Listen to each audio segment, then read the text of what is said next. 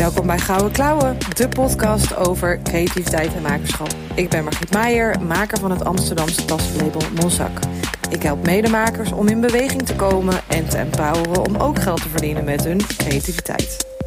In deze podcast spreek ik makers met gouden klauwen. Ze geven een kijkje in de keuken en vertellen over alle hordes op hun pad. Zoals geld verdienen, plut zijn, gebrek aan inspiratie, gedoe met klanten en kwetterende kwelgeesten. Welkom bij een nieuwe aflevering van Gouden Klauwen. Een hele speciale vandaag. Ik word namelijk geïnterviewd door Natasja. En Natasja is coach voor wereldverbeteraars en is er voor mensen die werken aan een duurzame wereld. Je weet wel, die types die vooruitlopen op de rest. Ik leerde haar kennen tijdens mijn coachingsopleiding en ze is een grote inspiratiebron voor mij. Welkom, lieve Natasja. Wat leuk dat je er bent. Yay, leuk om er te zijn. Dankjewel, Margriet. Ja, jij, uh, wij, wij uh, leerden elkaar dus kennen tijdens de coachingsopleiding. En toen hadden we het in het begin ook over podcasts. En toen zei je, oh, maar ik heb ook wel eens een podcast opgenomen. Oh, ik heb ook wel eens een podcast gehost dat heb ik natuurlijk in mijn oren geknoopt. En daarom zitten we hier. Ja, heel goed. Ja, ik vind het heel leuk om podcast te hosten. Ik ben zo nieuwsgierig altijd naar anderen. En nu ook vooral naar jou. Dus als ik wat leuke vragen mag stellen, dan doe ik dat heel graag. Ja, top. Echt superleuk. Ik, uh, uh, ik heb nu, nu al nou, een stuk of... Uh, zullen het inmiddels zijn, tien podcasts opgenomen. En ik vind het onwijs leuk om over makerschap te praten met, um, met medemakers. Maar ik vind het ook heel leuk om eens een keer wat meer over mezelf uh, te laten zien. En vandaar deze speciale aflevering, die hier heel in het teken van mij staat. Uh, dus het is een, uh, ja, een, een, leuke show samen met mijn host Natasja. Dus ja, ik, ik, het is normaal, dan stel ik altijd de eerste vraag. Ja, nu, maar jij weet nog niet of dit leuk gaat worden, Margriet. Want nou ga je met je billen bloot natuurlijk. Ai, ai, ai. Nou, kom maar op, ik kan het aan. Ja, nou misschien is het gewoon heel erg leuk. Jij zei, ik wil graag ook mijn verhaal vertellen aan mijn volgers, aan mijn luisteraars. Want jij hebt best wel een heel bijzonder verhaal, vind ik. Um, en ik denk dat je voor velen ook een voorbeeld bent. Ik vind jou namelijk ook heel inspirerend. En misschien kan je gewoon eens beginnen bij het begin. Hoe is het begonnen? Waar kom je vandaan überhaupt? Ja, ik kom uit een, uh, uit een heel creatief uh, gezin. Ik uh, ben geboren in Woudenberg en daar hadden we een hele grote tuin met allemaal schuren daar, daarop. En dan ja, speelden we gewoon heel veel in de tuin. En bouwden we hutten in de tuin en, of in de schuur. En uh, mijn vader was altijd aan het klussen. Um, mijn moeder, uh, toen ik geboren werd, startte daar in, in, in, in, een van die schuren een naaischool. dus er, er werd gewoon heel veel gemaakt om mij heen. En ik dacht, nou ja, als zij dat kunnen, dan kan ik dat waarschijnlijk ook wel. En uh, ik werd daarin ook wel vrijgelaten. Ook bijvoorbeeld in de keuken liet mijn moeder ons een beetje aanklooien. En speelde ik met mijn zusje uh, Manon Thomas in een kookshow op tv. Uh, dat speelden we dan in de keuken. Daar hadden we alle ingrediëntjes in bakjes gedaan. En dan, dus daar begon al het, de liefde voor ook podium. Of voor, voor, voor jezelf ja, doen alsof je op tv bent of zo. We hebben op een gegeven moment ook achterwerk in de kast nagespeeld.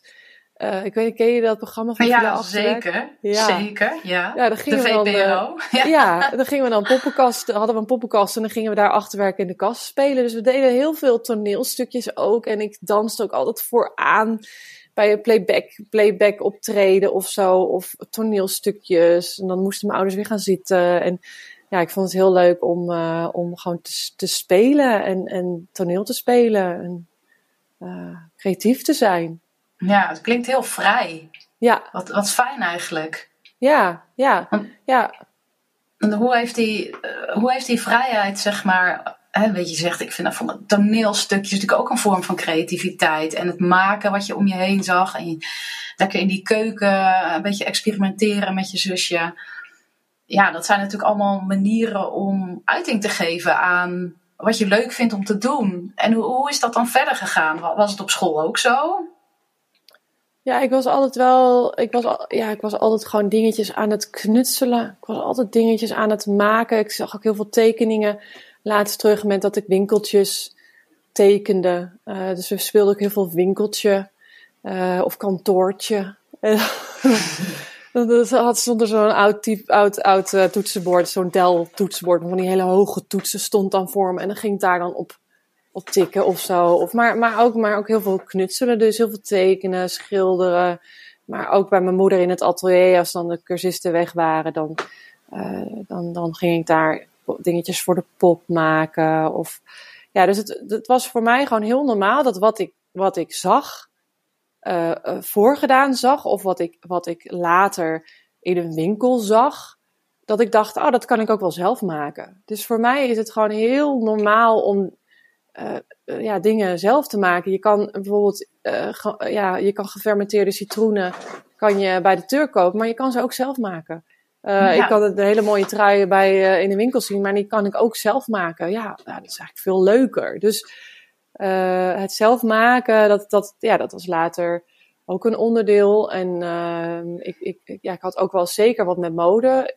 Onlangs dus wat, spul, wat spullen op zolder uitgezocht. En ik plakte overal ook, ook maakte ik collages van, van, van uh, de modenummers van de L en zo. En dan, ja, dan maakte ik collages van kleuren met, met ook bloemen erbij. En, en dat plakte ik dan aan de buitenkant van mijn HEMA-agenda. Uh, dus ik was toen al heel creatief ook met, met ja, um, stijltjes bedenken of zo. Dus, dus ik zie nu ook iets beter, want ik dacht altijd ja, mode ging doen omdat mijn pardon, omdat mijn moeder een, een, een modevakschool had. Maar ik vond het zelf al heel erg leuk van jongs af aan. Poppetjes tekenen met, met kleren aan en, en zelf verkleden. En, dus ik ging, een, ik ging een modeopleiding doen. Eerst een mbo-opleiding en toen later een hbo-opleiding. Uh, en en, en uh, ja, ben als inkoper in de mode gaan werken daarna. Ja, het is, je, het is je met een paplepel ingegoten, maar het zat ook echt helemaal in jou. Ja. Dat ja. hoor ik wel. En je hebt er dus ook echt voor gekozen om te gaan studeren in die richting. Ja, en ja. hoe was het? Om, want uh, fashion management uit mijn hoofd. Ja, ja, ja. ja, dat was uiteindelijk. Ik wilde eerst naar, ik wilde eerst naar de AKI of uh, naar de HKU in Utrecht of naar Amfi misschien zelfs. Maar ik vond die opleiding iets te creatief of iets te zweverig of zo. Ik ben ook heel erg down to earth. Dus voor mij uh, was, het, was het ook logisch om een iets praktischere opleiding te doen. Ik vond dat gewoon dat in concepten denken, vond ik allemaal een beetje vaag. Maar het moet wel een uh, beetje praktisch blijven. Ja, en ja. dat zie je ook zeker terug in mijn werk en nu ook in mijn werk als, als coach. Het moet ook jou praktisch iets brengen. Het moet niet alleen maar bij woorden blijven. Um, dus ik, ik ging die, die managementopleiding doen, maar ja, ik, ik, ik, ik weet niet, heb, hoe zit dat bij jou met je opleiding? Heb je het gevoel dat je daar achteraf gezien veel aan gehad hebt of zo? Nou, ik, ik heb er zeker iets aan gehad, maar ik, ik ben echt volledig van het padje afgeweken, zeg maar. Dus uh, nee joh, ik ben echt zo als een riviertje er doorheen geslingerd. En uh, heeft mij uiteindelijk gebracht bij uh, wat ik nu doe, coaching. Maar ja. Nee, ik, wat ik wel zie is dat je toch altijd een rode draad in je hebt zitten die je meeneemt. Ongeacht ja. wat je ook doet. En dat hoor ik eigenlijk bij jou ook. Hè? Die creativiteit met daarbij een, het moet ergens toe dienen. Moet een doel ja. dienen, moet praktisch blijven. Dat zie je, hoor ik jou ja. eigenlijk wel in terugvertellen. Ja, het moet ook nuttig zijn. Het moet wel ergens op slaan. Uh, het moet, moet, het moet um, nou, inmiddels duurzaam zijn. Het was een textielopleiding. Uh, het ging heel veel over mode. Um, uh, ik leerde daarin ook heel veel presenteren. dus dat, dat, dat was, heb ik er zeker van geleerd. dus dus ja, heel vaak gewoon gaan staan en zeg maar wat je, wat je onderzocht hebt of wat je te, te, te vertellen hebt. Mm. vervolgens ging ik dus als inkoper in de mode werken. En daar merkte ik, oei, dit is best wel een fucked up wereldje. Ik, uh, uh, ik, ik, ik moest heel veel, ik heb best wel wat gereisd naar landen toe, naar, naar productieadressen. En ik had heel veel contact met leveranciers. Op een gegeven moment, als je dus de vaste, vaste uh, ja, leveranciers hebt, pakketten hebt, dan heb je veel contact met dat soort mensen. Dan worden, ze, ja, worden ze echt worden ze bekend voor je. En dan, maar dan moet je vervolgens wel gaan uitknijpen op 10 centjes.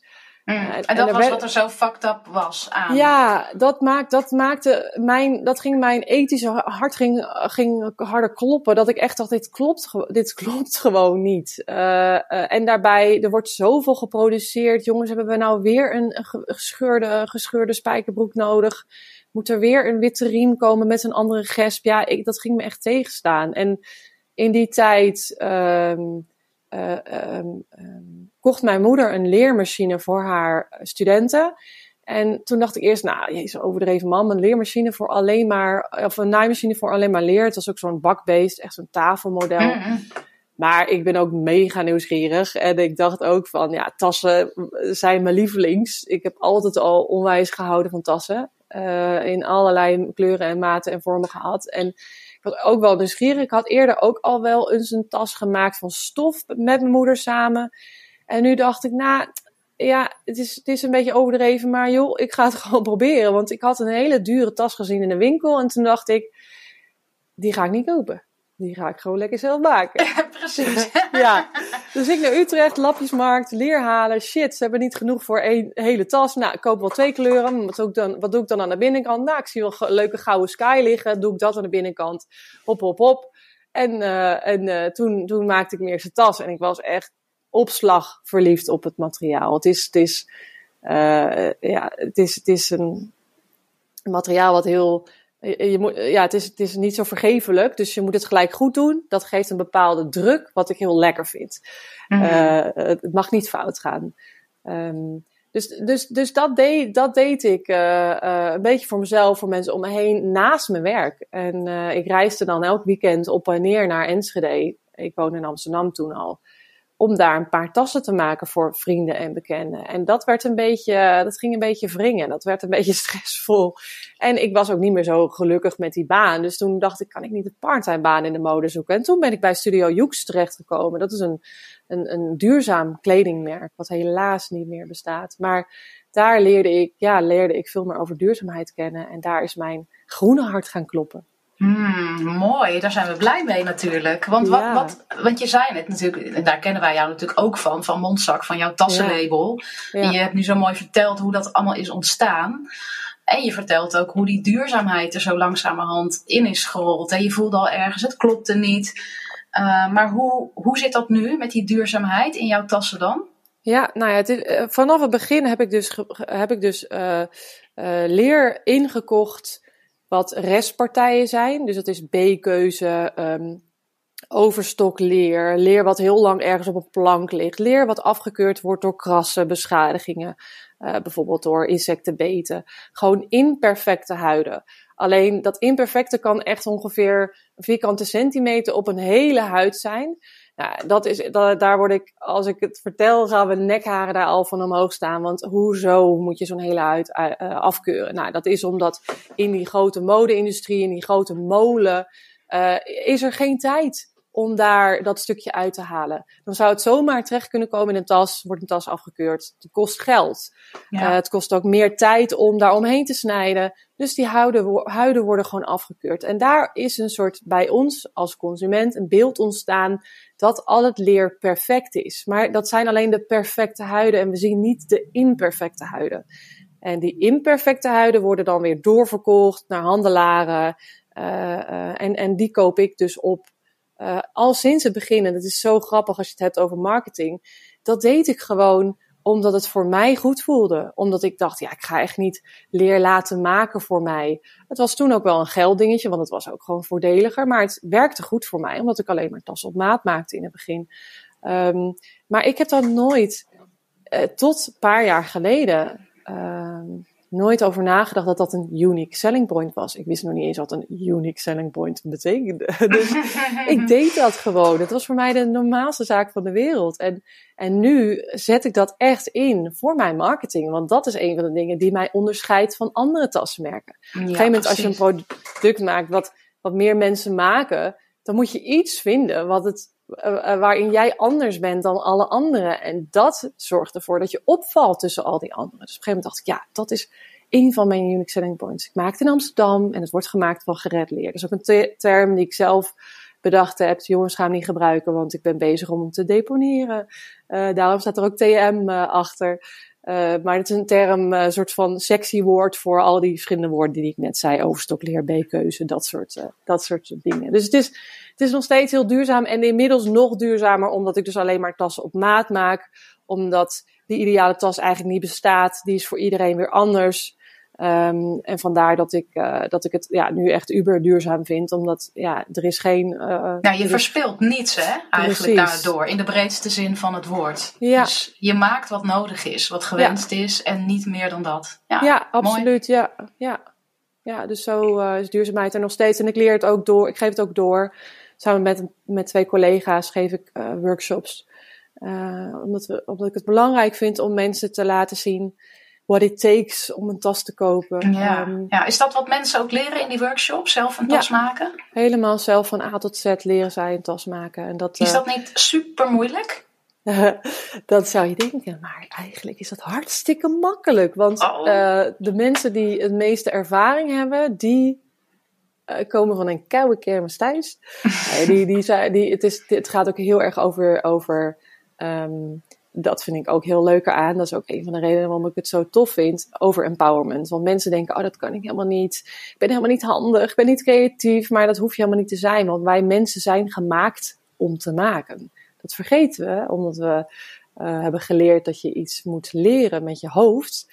Uh, uh, waar onze voorouders allemaal heel, alleen maar maakten en helemaal niet met ons hoofd ingewikkelde sommetjes uh, of, of computerwerk deden. Nee, we, we, we maakten iets en we ruilden dat voor iets anders. Het zit allemaal in onze genen, het zit allemaal in ons. En, maar we zijn dat vergeten. En ik vind het heel leuk om dat te prikkelen en mensen te laten zien dat ondanks dat ze geen ervaring hebben, ze vaak dan juist heel goed een tas kunnen maken. Omdat ze ook geen beer op de weg eh, zien en hun ego ook niet in de weg zit. Um, dus dat, uh, da daar word ik heel blij van. Ik vind, het, ik vind kennis doorgeven heel leuk en fijn om te doen. Ja, het is mooi wat je zegt, hè, dat we zo in ons hoofd zijn gaan zitten eigenlijk. Dat we dat voor, uh, als meest waardevol misschien wel beschouwen. Uh, maar dat maken zo onze natuur is, mm. ieder op zijn eigen manier. En dat jij daar, nou ja, je vak, je al heel vroeg voelde dat dat is wat, wat je moest doen. Maar er nu ook zo goed mee bezig bent en zo succesvol ook in bent om dat te doen. En dan ook nog op een duurzame manier. Ja. Um, ja, mooi is dat. Ik hoop ook dat dat voor jouw luisteraars en volgers nog een extra motivatie mag zijn om je bijvoorbeeld, hè, als je twijfelt tussen die baan die je met je hoofd doet en, en dat, uh, die passie die je voelt als je aan het maken bent, dat je daar misschien toch nog wat meer ruimte aan durft te gaan geven. Mm, mm, hè, ja, dat zou mooi zijn. Wat jij zegt, uh, gaat dat hopelijk teweeg brengen. Ja, ja 100 procent. Het is, het is, het is uh, um le leven van je handen, of, of uh, voor een deel leven van je handen. Hè? Want ik lever fulltime van, maar dat is helemaal niet nodig als je, de, als je nog ander werk leuk vindt, of als je dat, als je dat in eerste instantie nog spannend vindt. Maar uh, uh, er zit zo'n stigma op, omdat ja, mensen om je heen dan zeggen van, zeggen van weet je wel zeker dat je, dat je daar geld mee kan verdienen. Maar dat gaat meer over hun angst dan dat het over jou gaat. en dat is ook heel vaak tegen mij gezegd in het begin. Um, dat je, dat je ja, ondernemerschap is heel spannend. En het gaat allemaal over veiligheid uiteindelijk, denk ik. En, en ik voelde gewoon heel sterk dat ik iets met mijn handen wilde doen en dat ik daar een ander mee kon helpen. Daar ging het ook over. Want die ideale tas die ik niet kon vinden, dat was, was uiteindelijk de, de start. Um, mijn motivatie om een tas te maken voor mezelf. En toen merkte ik dat anderen dat ook tof vinden. Nou, dan zijn er vast nog meer mensen die dat tof vinden. Dus een ander helpen uh, was voor mij ook een motivatie. Maar um, uh, even denken waar ik nou naartoe wilde. Nou ja, dat, het, dat, het, dat je heel snel dus laat uh, afleiden. Dat vind ik dus ook nu in het, in het coachen super, echt waanzinnig interessant. Daarom heb ik deze podcast, ben ik deze podcast ook begonnen. Hoe kan het toch dat het zo ingewikkeld is dat je, uh, dat je geld vraagt voor, voor dat wat je maakt? Het is, dat is, uh, er ligt zoveel lading op. En ik, ik heb het vermoeden, maar ik ben, dat, ja, ik ben daar zo nieuwsgierig naar dat het misschien het vermoeden nog wel kan veranderen. Maar ik heb het vermoeden dat het, dat het ligt aan dus mensen in je omgeving zeggen, joh, weet je wel zeker dat je dat gaat doen? Kun je dat wel? Bladibla, nou, negatieve dingen in ieder geval. Uh, jij voelt dat je dat heel graag wil. Ik voelde dat ik dat heel graag wil. Um, dus, dus ja, dan moest het wel echt perfect zijn wat ik dan in de wereld ging brengen. Hè? Want ik moest hun wel het tegendeel bewijzen. Ja, precies. Uh, en dan, dan kon ik echt niet falen. Dus, ik, dus, ik, dus, dus ja, het duurde ook wel even voordat ik dat echt, echt out in die open gooide. Uh, en echt ging zeggen tegen onbekende mensen dat ik ook een tas voor ze kon maken. Maar vervolgens, als je dan op een gegeven moment merkt dat je vastloopt en dat het niet lukt, ja, dan ga je niet zeggen dat het je niet lukt. Want dan krijgen die mensen gelijk die eerder zeiden dat, dat het misschien, misschien wel niet ging lukken. En dan ga je een beetje, blijf je in zo'n visueuze cirkel hangen van, ja, ik, het lukt me eigenlijk niet. En ik denk dat ik wel hulp zou kunnen gebruiken, maar ik kan het niet betalen. En ik kan, ook niet tegen, ik kan het ook niet maken om dat openbaar te maken, want dan zullen ze wel niet denken. Nou, en dat is dan zo'n visueuze cirkel waar je gewoon helemaal in verstrikt raakt. En op een gegeven moment. En, en is dat dan ook waar het begint voor mensen eigenlijk om dit te doorbreken, wat jou betreft? Hoe zie je dat? Ja, nou ja, dat, dat, is, dat was mijn, het doorbreken daarvan was voor mij uh, de um, katalysator van veel groter succes.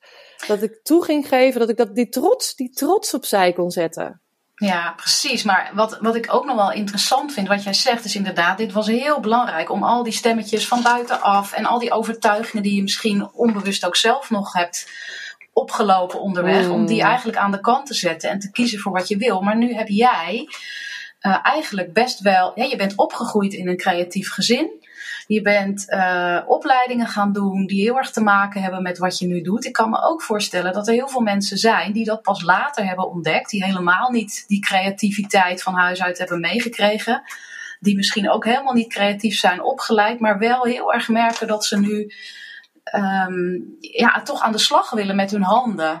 Ja. Um, dus ja, ik, ben, ik was even benieuwd van hoe, um, wat hebben zij dan te doorbreken? Ook? Ja. Ja, nou ja, ook, ook het idee dat. dat uh, ik heb wel eens iemand gesproken die zei: Ja, ik, uh, uh, ik kan het niet maken om niets met mijn universitaire studie te doen, want mijn ouders hebben dat betaald. Of mijn ouders hebben daar mij in gestuurd. En waarom je ouders daarin sturen, is omdat, het, omdat zij dat ook weer geleerd hebben van hun ouders. Dat het gewoon verstandig is dat je studeert, of juist niet. Dat hun ouders niet gestudeerd hebben en dat zij juist iets anders voor hun kinderen willen. En uh, ja, dat een studie het alles de overtreffende trap is of zo. Of, of jou gaat garanderen voor een veilig leven. Of hè, altijd geld in het laadje gaat brengen. Ja, dat kan wel zijn. Maar word je er gelukkig van? Ik denk dat die mensen die, die, die misschien wel door corona getriggerd zijn. In jeetje, wat voor een leven heb ik eigenlijk? En ben ik daar gelukkig mee? Um, en, en zich afvragen van hoe zou ik mijn leven creatiever kunnen maken. Ja, ga, ga doen. Ga gewoon lekker bezig en laat dat perfectionisme echt los. Want het hoeft niet ergens toe te leiden. Het mag ook.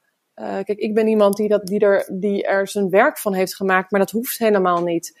Je kunt er ook uh, um, meer door leren ontspannen. maken is ook heel mindful. Ik denk dat het heel goed is voor onze hersenen, die zo ongelooflijk overprikkeld zijn en nog meer en meer en meer gaan worden, om rust aan te brengen in ons leven en dingen te kunnen laten bezinken. Dat daar, daarvoor is maken voor mij ook heel belangrijk. En dus ik ja, dus dat is. Sorry. Ja, nee, dus ik gun, gun mensen die, die uh, de overtuiging hebben dat je alleen maar um, uh, um, ja, je geld kunt verdienen met een slimme, tussen haakjes, baan, met een hoofdbaan, waarbij je de hele dag je reet plat zit achter een laptop, uh, ja, die een beetje uit de tent lokken van jongens, uh, je hebt maar één leven, uh, maak, er, maak er wat van. Waar wacht je op? Van wie heb je toestemming nodig? En als je van iemand toestemming nodig dan is hier je toestemming. Klaar, gedaan. Go for it. Niks houdt je meer tegen. Precies. Ja, ja. ja. Ja, en dat is dan, wat, ja, dan is het interessant. Wat houd je, wat houd je dan? Hè, welke gedachten houden je dan tegen? Dat, dat vind ik razend interessant. Dus stel je bent iemand die, die eh, echt snakt naar een creatiever leven, maar daar nog helemaal niet mee begonnen is en, en hulp daarbij kan gebruiken. Bel me op. Ja, want wat waren jouw grootste draken en demonen? Oeh, ja, uh, best wel veel. Uh, en ik ben, ik ben daar nog steeds. Ik, ben, ik denk dat je daar je hele leven mee, mee bezig bent. Maar eentje die uit de coachingsopleiding is gekomen, waar wij samen in, in hebben gezeten, is: uh, ben, ik het, ja, ben ik het waard? wat ben ik waardig? Ja, dat is, dat is nog, nog een overtreffende trap. En die hoor ik ook bij heel veel andere makers. Ben ik het waard om mezelf te laten zien? Um, en het gekke is dat ehm, bij Monsac Um, dat is zo'n geoliede machine. Ik, heb daar, ik kan daar mijn pitch super goed doen. Ik weet dat ik het verschil maak, omdat ik al tien jaar tassen maak en daar zoveel mensen blij mee heb gemaakt. Ik heb op Google een 9,8 uh, aan, Wauw. aan reviews. En dat is echt sick gewoon. Maar dat snap ik soms zelf, zelfs ook niet. Maar ik leg mijn hart en mijn ziel daarin. En ik vind persoonlijk contact super belangrijk. Dus mensen kennen mij ook echt. Ik laat mijn gezicht zien. Er is echt een band tussen mij en mijn klanten. Maar met een makerscoach, met iets nieuws starten. En daarom is het aan de ene kant is dat frustrerend. Aan de andere kant is het heel fijn om nu door te maken wat uh, ja, nog, nog jonge ondernemers doormaken is dat je, ja, je, je, ja, je laat jezelf dus weer zien. Maar waarmee laat ik mezelf dan nu zien? En uh, ja, ben ik het dan waard om daar, om daar succesvol in te zijn? Zitten mensen wel op mij te wachten? Weet ik wel genoeg hierover? Ja, is echt... Ben ik wel goed genoeg? Ja, oh, die ik, ja. eeuwige, eeuwige fluisteraar. Het vervelende mannetje. Ja, ja, heel vervelend mannetje. Die, die, en, en, en het stomme is dat ik dus met die reden ben ik het wel waard, word ik wel gezien, zien mensen mij. Ik voel me niet, voelde me niet gezien als kind. Uh, dat is ook een, ja, ook een, uh, er gebeurt iets en je trekt daar je eigen conclusies uit. En je gaat daar een eigen verhaal van maken. Dat is het verhaal wat ik ervan gemaakt heb. Um, vervolgens dacht ik, ja, ik, ik wil andere um, dus ik werd heel even terug in de tijd. Uh, ik hoop dat ik dan niet te veel afdwaal van de vraag. Maar... Het gaat over het niet gezien worden. Ja, ja, ja, daar precies. pak je nu even op terug. Ja, daar dus pak ik vertel, op terug. Want dat is ja. heel belangrijk. Ik denk dat ja. heel veel mensen dit ook kunnen herkennen. Ja, nou ja, dus, dus ik, um, ik, ik, ik maakte tassen. Op een gegeven moment, ik had heel veel verkooppunten. En daardoor leerden heel veel mensen mij meer kennen.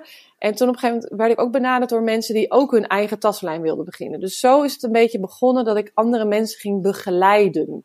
En dat vond ik heel leuk het stukje ondernemerschap daarvan vond ik heel tof. Maar dat zij niet snapte hoe je een tas maakte. En dat zij uh, heel snel soms ook tassen wilde rammen. Dat stuk, ja, dat matchte natuurlijk niet met mijn groene hart. Dus, dus daarvan dacht ik, nee, dit is het niet. Maar ik vind het wel heel leuk om mijn ondernemerschap te delen. En zo ontstond het idee om andere makers uh, te gaan helpen. Toen heb ik wat, wat via Monzak wat proefkonijnen uh, gevraagd. Hele leuke uh, makers verder geholpen. En, en daar is de makerscoach eigenlijk uit ontstaan. En toen dacht ik, ja, maar als ik ga coachen, dan moet ik wel een uh, papiertje hebben. Want anders word ik niet serieus genomen. Anders dan word ik misschien niet, ja, mag ik niet meedoen. Of, of weet ik niet genoeg. Kan ik de ander niet genoeg helpen. Dus ik, um, dat is trouwens, ja, nee. Uh, dan ga ik echt te ver. Maar, dus ik, die, mijn inschrijven de coachingsopleiding. Ik een jaar lang een coachingsopleiding gedaan. En ik, ik deed dat echt voor het papiertje. Ik, ik had niet verwacht dat ik daar ook persoonlijk zo ongelooflijk veel uit zou halen. Wat me nu ook weer enorm helpt in mijn makerschap. Dus, dus die demonen eigenlijk uh, de hand schudden en ze Ja. binnenlaten. Uh, Dus die opleiding die je deed voor het papiertje, die leverde je eigenlijk wel een hele goede kennismaking op met je draken en je demonen. Waardoor je ze echt kon tackelen en wat heel erg in jouw voordeel is gaan Ja. werken. Hè? Dat Ja. hoor ik je zeggen. Ja, helemaal waar. En, en, en ze dus niet meer zo als demonen zien, maar naar ze luisteren. En ja, wat, wat, heb, wat heeft dat, ben ik wel waardig, uh, um, nou echt te betekenen? Wat zit daarachter? Daar zit een verlangen achter. Wat zit daar dan achter? En, nou, en toen eenmaal aan het einde, dus net voor de zomer van 2022, want ik heb geen idee wanneer je deze podcast luistert, um, had ik dat papiertje.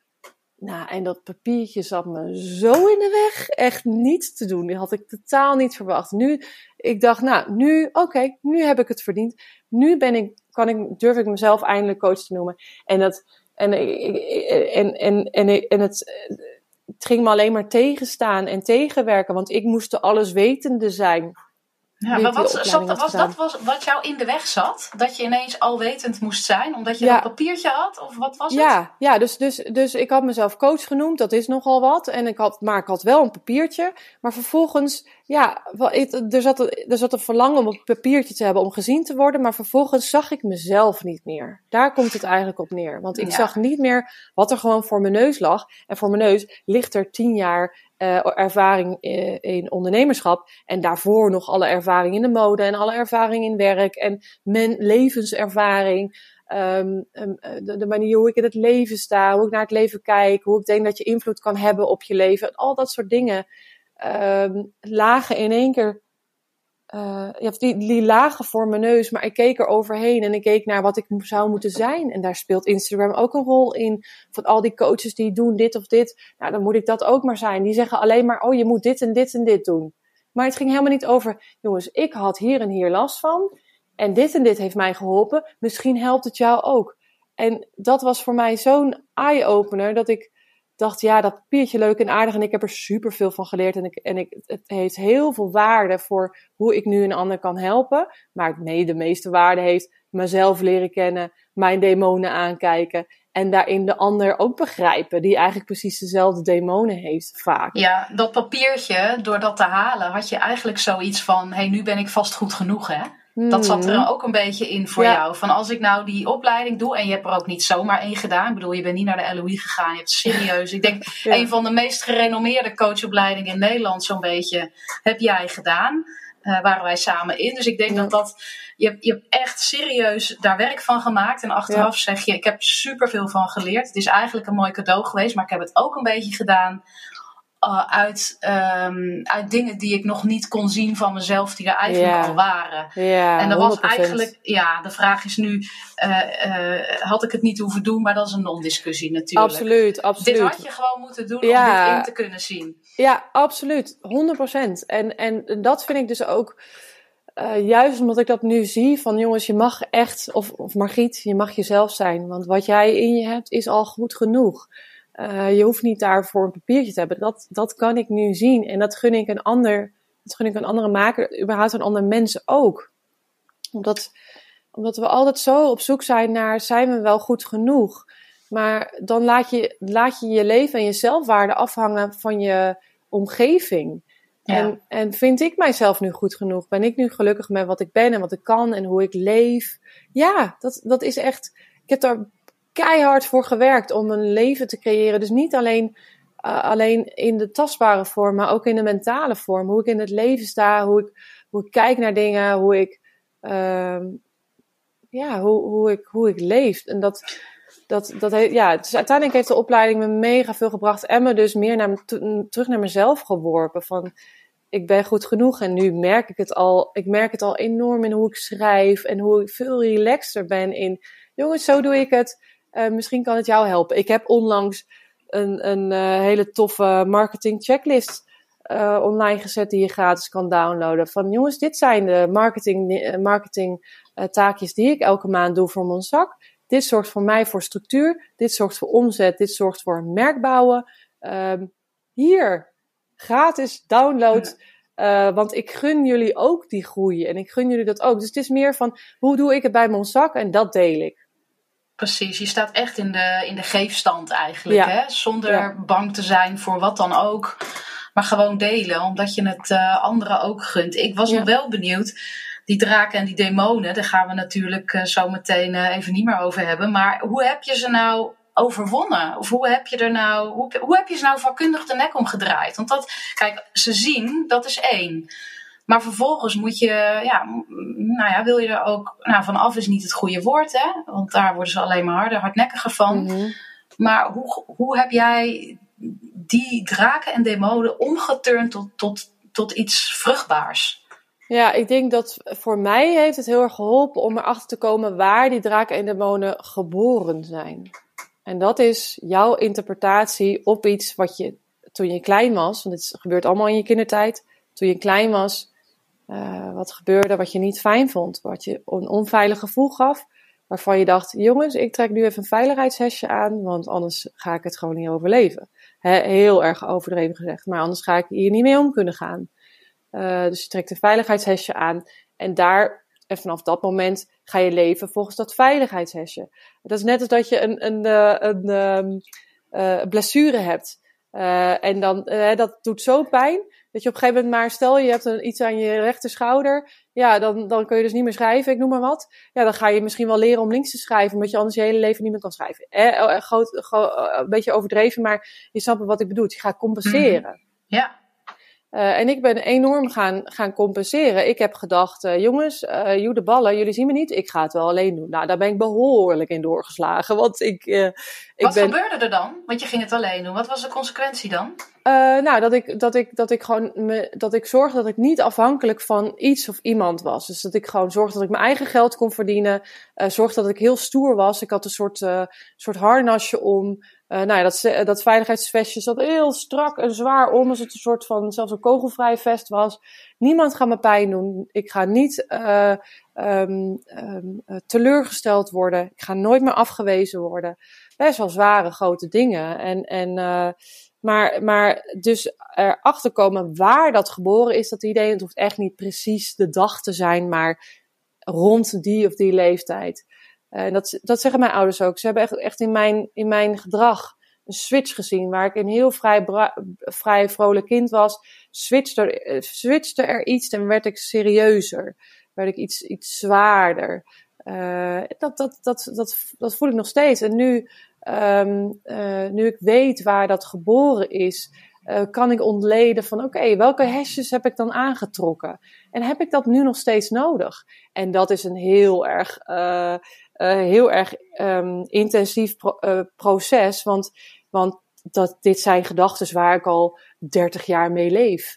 Uh, en die moet ik nu uh, ontdenken. En, ja, dat zijn dingen die, die je voor waar hebt aangenomen. Ja. En ineens kom je erachter, ze zijn niet waar. Shit. Nou ja, dat laat je niet zomaar even gaan, hè? Nee, Het is je nee. veiligheid. Het is mijn veiligheid, het is mijn groef. Ik glij daar gewoon alles vanzelf in zonder dat ik het door heb. En, maar gelukkig ben ik een heel erg gedisciplineerd persoon. En kan ik dus, dus uh, steeds die groef steeds minder diep maken. En een soort paadje daarnaast in mijn hersenen. Uh, gelukkig heb je plastische hersenen kun je een paadje daarnaast maken van nee, ik ben het wel waard. Nee, ik verdien wel, ik, ik verdien wel luxe. Ik verdien wel, uh, weet ik veel, een koophuis. Uh, uh, dat soort, dat soort, dat je, dat je meer, dat je jezelf meer gunt. Ja, je anders programmeert eigenlijk, hè? Zonder dat, dat, heel binair te maken. Maar Ja. dat is wel wat je doet. Dus dat is Precies iets wat dat. jou echt van die draken en die demonen Ja, ja, heeft omgeturnd. Dus eigenlijk heel erg, eh, ja, je zei al, ik ben best wel gedisciplineerd. Je hebt hard gewerkt om te erkennen waar het voor jou, waar je die hashjes hebt aangedaan. ja, Uh, en daar echt naar te kijken. En dat Ja. ook te omarmen. En van daaruit te denken, maar ik kan ook iets nieuws daarvoor in de plaats zetten. Iets wat mij 100%. wel dient. Iets Ja. wat mij wel vooruit helpt. ja, ja, absoluut. Dus dat, uh, dat, dat, daar, in, die, in dat proces zit ik nu. En dat is echt ook iets wat ik uit de opleiding, uh, waar ik in de opleiding achter ben gekomen. En, en, en dat, soort, dat soort zwaarte, dat soort extra ballast. Ik gun het andere makers ook om daar, uh, ja, daarachter te komen, die te ontdekken en je daarvan te ontdoen. En dat gaat echt niet over, over één nacht ijs. Uh, maar, maar ja, jezelf meer gunnen. En het minder af laten hangen van de wereld om je heen. Dat, dat, dat gun ik meer, meer mensen. Ja, en hoe geef je daar nu dan vorm aan? Want je zei natuurlijk, ik ben nu ook coach voor makers. Ja, ja. Dus Ja. dit, wat jij nu zegt is zo essentieel eigenlijk. Ja, zeker. Ja, dat, uh, uh, um, dat, dat, vormt, of dat, dat, dat komt tot vorm in, uh, in een online training die ik heb ontwikkeld. Gebaseerd op een. Dus, dus toen ik mijn merk wilde bouwen. Um, um, merkte ik dat er weinig tools waren, business tools, tools die je hielpen om je, om je label te bouwen, om een merk te bouwen. Uh, dat er, dat er ja, geen, geen uh, van dat soort tools waren voor makers, voor een product wat je zelf maakt. Het ging altijd, het was altijd iets stoffigs wat ging over. En je pro- produceert zoveel, weet ik veel wat, fasen. En die zet je even daar weg. Ja, zet je even daar weg. Um, niet in mijn wereld. Dus ik, ik voelde me daar helemaal niet door aangesproken. En op een gegeven moment dacht ik, deze dingen helpen mij heel erg uh, in, in, in, uh, um, um, ja, in, in hoe, ik mij, hoe ik mij neerzet nu al als Monzak. Uh, hè, hoe ik een merk bouw, hoe ik mijn merk heb gebouwd. Ik heb gewoon eigenlijk verzameld wat, wat voor mij werkte in mijn communicatie, in mijn marketing, waardoor mensen zich aangesproken voelden. Ik heb allemaal dingetjes bij elkaar geschoven eigenlijk, die mij hielpen over al die jaren. Dat heel veel getest. En toen kwam ik eigenlijk tot een, tot een formule die, uh, die mij hielp om, om zak uh, heel bekend te maken. En uh, dat, ja, dat gun ik dan weer anderen. Dus die kennis wil ik dan weer delen. Want dan denk ik, ja, dan zit ik hoezo zou ik daar alleen maar gebruik van maken? Hoe tof is het als anderen dat ook kunnen doen? Is, dus als je, als je echt een label wil bouwen, als je je ideale klant wil aantrekken, als je gewoon meer geld wil verdienen met je product, dan is dit een hele toffe training. En daarnaast coach ik één op één makers. Uh, om dat echt hand in hand te doen. Om dat op, op individueel niveau te doen. Voor mensen die al genoeg training hebben gedaan voor hun gevoel en daar niet mee verder komen. En dan, dan komen ook die demonen uh, aan bod. En, en, en wat houd je dan tegen? En dat, dat gaat dan heel erg uh, heel diep. dat, dat, daar is dan veel meer tijd één op één voor. Um, dus dat, dat, dat is wat ik nu doe met een makerscoach. En ik vind het gewoon heel leuk om te delen hoe ik op dagelijkse, dagelijkse basis uh, mijn zakken uh, daarnaast nog probeer te laten groeien. Alleen dat, dat is best een uitdaging. Twee merken naast elkaar runnen. Ja, het een is natuurlijk nog helemaal, ben je aan het ontwikkelen, is nog redelijk recent. En het andere is al gevestigd, maar heeft natuurlijk ook aandacht nodig. Ja, ja. Het lijkt me niet makkelijk. Nee, het is, het is dan echt prioriteiten stellen. En de ene, ene periode heeft een Monzak meer aandacht nodig. En de andere periode heeft de makerscoach meer aandacht nodig. En het is een, ook de makerscoach is een merk wat ik aan het bouwen ben. En merken bouwen heeft gewoon tijd nodig. Ik hou ervan dat het organisch groeit. Ik hou ervan dat het duurzaam is. Dat mensen uh, er niet door overladen worden. Dat je niet, uh, dat is een soort, een soort guerrilla marketing daarop uitoefent. Um, ik geloof erin dat je zaadjes moet planten. Uh, heel veel, heel veel, heel veel zaadjes moet planten. En daar uh, uiteindelijk een heel steady uh, merken kan bouwen. Je kunt het vergelijken met een heipaal. Gewoon zo heel, zo in zo'n cadans. Zo heien. en dan, dan gaat die paal steeds verder de grond in. En die wordt steeds steviger. En daar kan je dan echt iets heel sterks op bouwen. Alleen dat heeft, ja, als je organisch wil groeien, dan heeft dat gewoon heel erg veel tijd nodig. En daar hm. Zit ik nu middenin. Ja, precies. Ik kan me ook voorstellen wat je zei. Je moet blijven zaaien. Nou, op een gegeven moment is het één bloemetje. Dat ziet niemand misschien nog zo. Maar op een gegeven moment ben je natuurlijk een heel perk vol waar niemand meer omheen kan. En dan ja. uh, zijn mensen toch sneller geneigd om uh, jou te willen kopen Inhuren, of te zien ja, of ja. in te huren of wat dan ook. dus uh, zo werkt het. Ja, en ik, en ik, hoop, ik hoop gewoon heel erg dat dat, of ik hoop, ik weet dat ik um, niet een typische coach ben, omdat ik ervaringsdeskundige ben. Omdat ik zelf een label heb, maakt het gewoon heel anders. Ik spreek dezelfde taal als de makers. nou ja, wat ik net allemaal heb verteld, dat is, dat is ja, levenservaring. Um, met, met, het, met al die demonen, die makers allemaal, waar makers uh, allemaal meer mindere mate van last van hebben, omdat het zo persoonlijk is, omdat je het met je eigen handen gemaakt hebt, zit je persoonlijkheid er heel erg in verweven. En heel veel makers zijn zich daar nog niet van bewust, maar uh, ga er maar eens op letten hoe vaak je tegen jezelf zegt, zien ze me weer aankomen. Oh, ik val vast weer in herhaling. Niemand zit hier op te wachten. Het wordt al honderd keer gedaan. Weet je, dat zijn allemaal negatieve gedachten die als je dat blijft denken, blijft het zo. Gaat er helemaal niks veranderen in dat wat je nu doet. En dan kan je zo hard werken als je wil. Maar als jij die uh, belemmerende overtuigingen niet uh, ja, op laat lossen, uh, aan durft te kijken.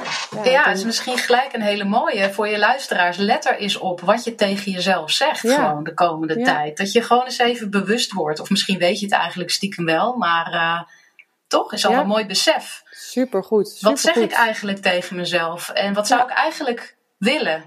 Ja, en jij, precies. Ik bedoel, het mooie aan jouw uh, programma is natuurlijk dat je je eigen ervaring van tien jaar mondzak erin hebt gestopt, maar ook je hele persoonlijke proces. En dat dat dan mm. hand in hand gaat, is natuurlijk super waardevol. Want jij weet inmiddels ook, en ik ben natuurlijk zelf ook ondernemer, ik weet dat ook, dat het een kan niet zonder het ander. Je hebt het, heel, je hebt het praktische nodig, maar je hebt ook het dieper gelegen stuk nodig. Je hebt ook echt je persoonlijke ontwikkeling mag echt meegroeien met wat jij in het uh, wat jij wil manifesteren, wat je, wat je te brengen hebt op deze hmm. wereld. Dus, ja, uh, ja, 100%. En als je, daar, als je wil, als je, als je dus een, een, een, een, een mens wil aantrekken naar jou, dat is net als met vriendschappen. Dat is ook met onze vriendschap.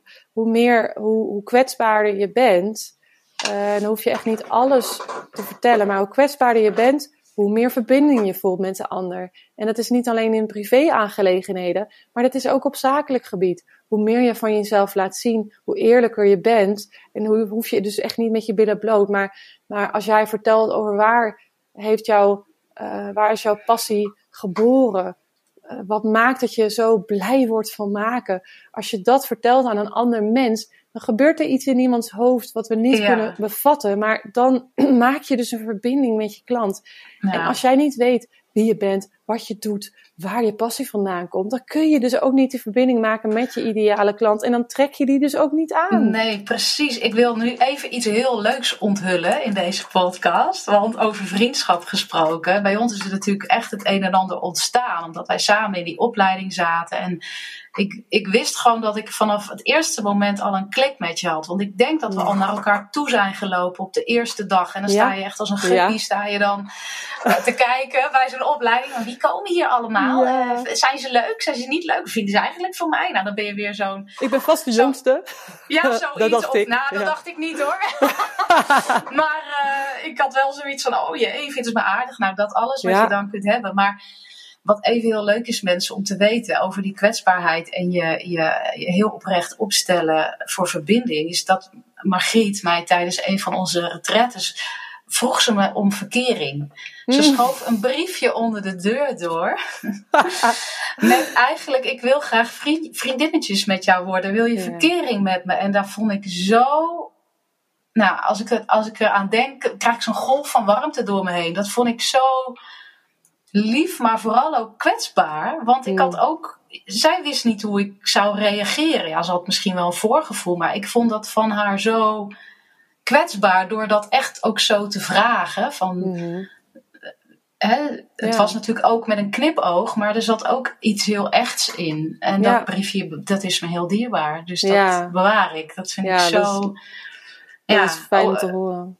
Ja, dus dat, dat vond ik ook heel mooi. Dus daar moest ik aan denken over vriendschap, verbinding, echtheid. Jezelf dat, laten zien. Ja, ja, precies. Want we zijn allemaal mensen. En, en ik, ik, ik, wil, ik neem dan een risico inderdaad. Uh, dat weet iedereen als je ouder bent. Vriend, nieuwe, vriend, nieuwe vriendschappen sluiten.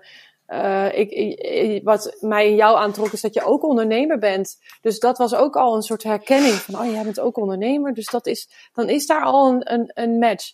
En dan, ja, dan waag ik gewoon de gok. Dan spring ik met mijn ogen dicht in het diepe, omdat ik denk, dit is wat waard voor mij. Dit is fucking spannend, maar dit is wat waard voor mij. En dat is ook met ondernemerschap. Dan, dan is het misschien spannend en denk je, oh, gaat het wel goed? Maar als het echt iets in jouw lichaam doet met je, dan is het blijkbaar belangrijk voor je. En dan, dan is het soms ongemakkelijk en dan is het fucking spannend. Maar dan uh, uh, ja, durf ik die gok altijd wel te wagen, omdat ik inmiddels wel weet, oeh, als ik dit voel, dan, dan is het dan, ja, dan moet ik gewoon doen wat nu als eerste in me opkomt. Want dan gaat het me iets opleveren. Nou, dat is gebleken in dit geval. nou, super. Daar ben ik ook nog elke dag blij om. Ja, ja. mooi. Ja, volgens mij moeten wij een beetje af gaan ronden. Ik zit even te spieken, maar uh, wij lullen het aardig vol met wij elkaar. Wij lullen het aardig vol, dus het gaat wel heel erg heel snel. Leuk. Ja. Maar is er nog iets uh, wat jij kwijt zou willen? Wat jij, uh, waar jij graag zou... nou, wat je graag nog zou willen delen? nou, ik denk dat, dat het leuk is om af te sluiten met een dikke tip. Hè? Dat vraag ik ook altijd aan, aan, andere, aan andere makers in mijn podcast. En mijn dikke tip is dus mijn um, allernieuwste um, um, um, marketing checklist. Dus mocht jij maker zijn en denken: oh man, ik weet niet wat ik moet delen, of ik weet niet hoe ik uh, goede content moet schrijven, um, wat ik überhaupt moet doen om mezelf in de picture te spelen. Want ik maak gewoon het allerliefste en uh, marketing of zakelijk zijn, daar ben ik niet zo goed in. Dat kun je gaan worden, dat ben ik ook geworden. En ik deel heel graag mijn marketing checklist met je. Dat zijn alle dingen die ik elke maand doe voor mijn zak om mijn merk, uh, ja, om die zaadjes te planten eigenlijk waar ik het net over had. Die kun je gewoon gratis vinden. Ook hier in de show notes en ook gewoon lekker op mijn site. Dus dat deel ik graag met je en dat is helemaal hartstikke gratis. En Natasja, dan wil ik ook heel graag een dikke tip van jou Nou, die dikke tip van mij. Nou, ik had er natuurlijk stiekem al een beetje over nagedacht. Maar ik, ja, jij hebt, we hebben het hier natuurlijk de hele tijd over gehad. Over hoe moeilijk het soms ook kan zijn om jezelf op waarde te schatten.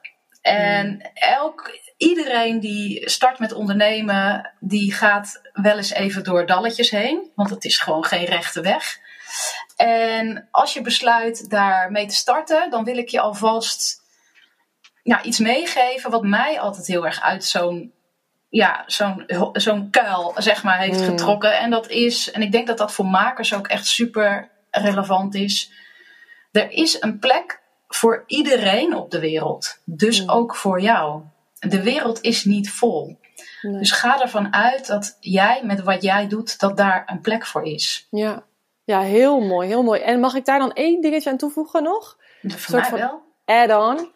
En eh, vergeet niet dat er niet zoveel mensen zijn die de mooie dingen kunnen maken die jij eh, kan maken als maker. En dat het de wereld mooier maakt. En we hebben een mooiere wereld nodig. Misschien dat je hard. denkt, ja, misschien dat je denkt, mijn spullen zijn niet, of de producten die ik maak, zijn niet noodzakelijk. Maar aan de andere kant, kunst is altijd no- noodzakelijk, omdat het je leven verrijkt. En eh, jou, jij kan met jouw handgemaakte spullen een ander leven, een leven van je medemens verrijken. En dat is eigenlijk, als je die, dat talent hebt gekregen, is dat je verplichting. Mag je het ons niet onthouden om dat te delen? Dus dat is mijn toevoeging aan. Nee, blijf niet zitten daarachter die coulissen. Te jammer. Onder de Te tekens. jammer. Nee, nee, Ja. niet doen. De wereld heeft je nodig, heel hard. Ja. Super, bedankt Natasja. Echt onwijs leuk gesprek. Ehm, ja, en jij? Ja, ja. En, en eh, ik zal, eh, eh, als jij wereldverbeteraar bent en je zoekt een hele, hele, hele goede, fijne coach. Ik ben ook een aantal keer door, door Natasja gecoacht. Eh, ehm, dus als je geen maker bent, maar een wereldverbeteraar. Eh, Of een dan- wereldverbeterende maker, maar dan zou ik toch vooral naar mijn giet gaan. Ja. Ja. Dan, eh, dan eh, kun je Natasja vinden in de show notes. Ik wil je heel erg bedanken voor het luisteren. Als je deze aflevering leuk vond, geef hem sterren. Stuur hem door naar mensen waarvan je denkt, oeh, die gaan hier ook wat aan hebben. En check de marketing checklist, mijn favoriete marketing hacks, via de show notes of op de site. Dankjewel voor het luisteren en tot de volgende.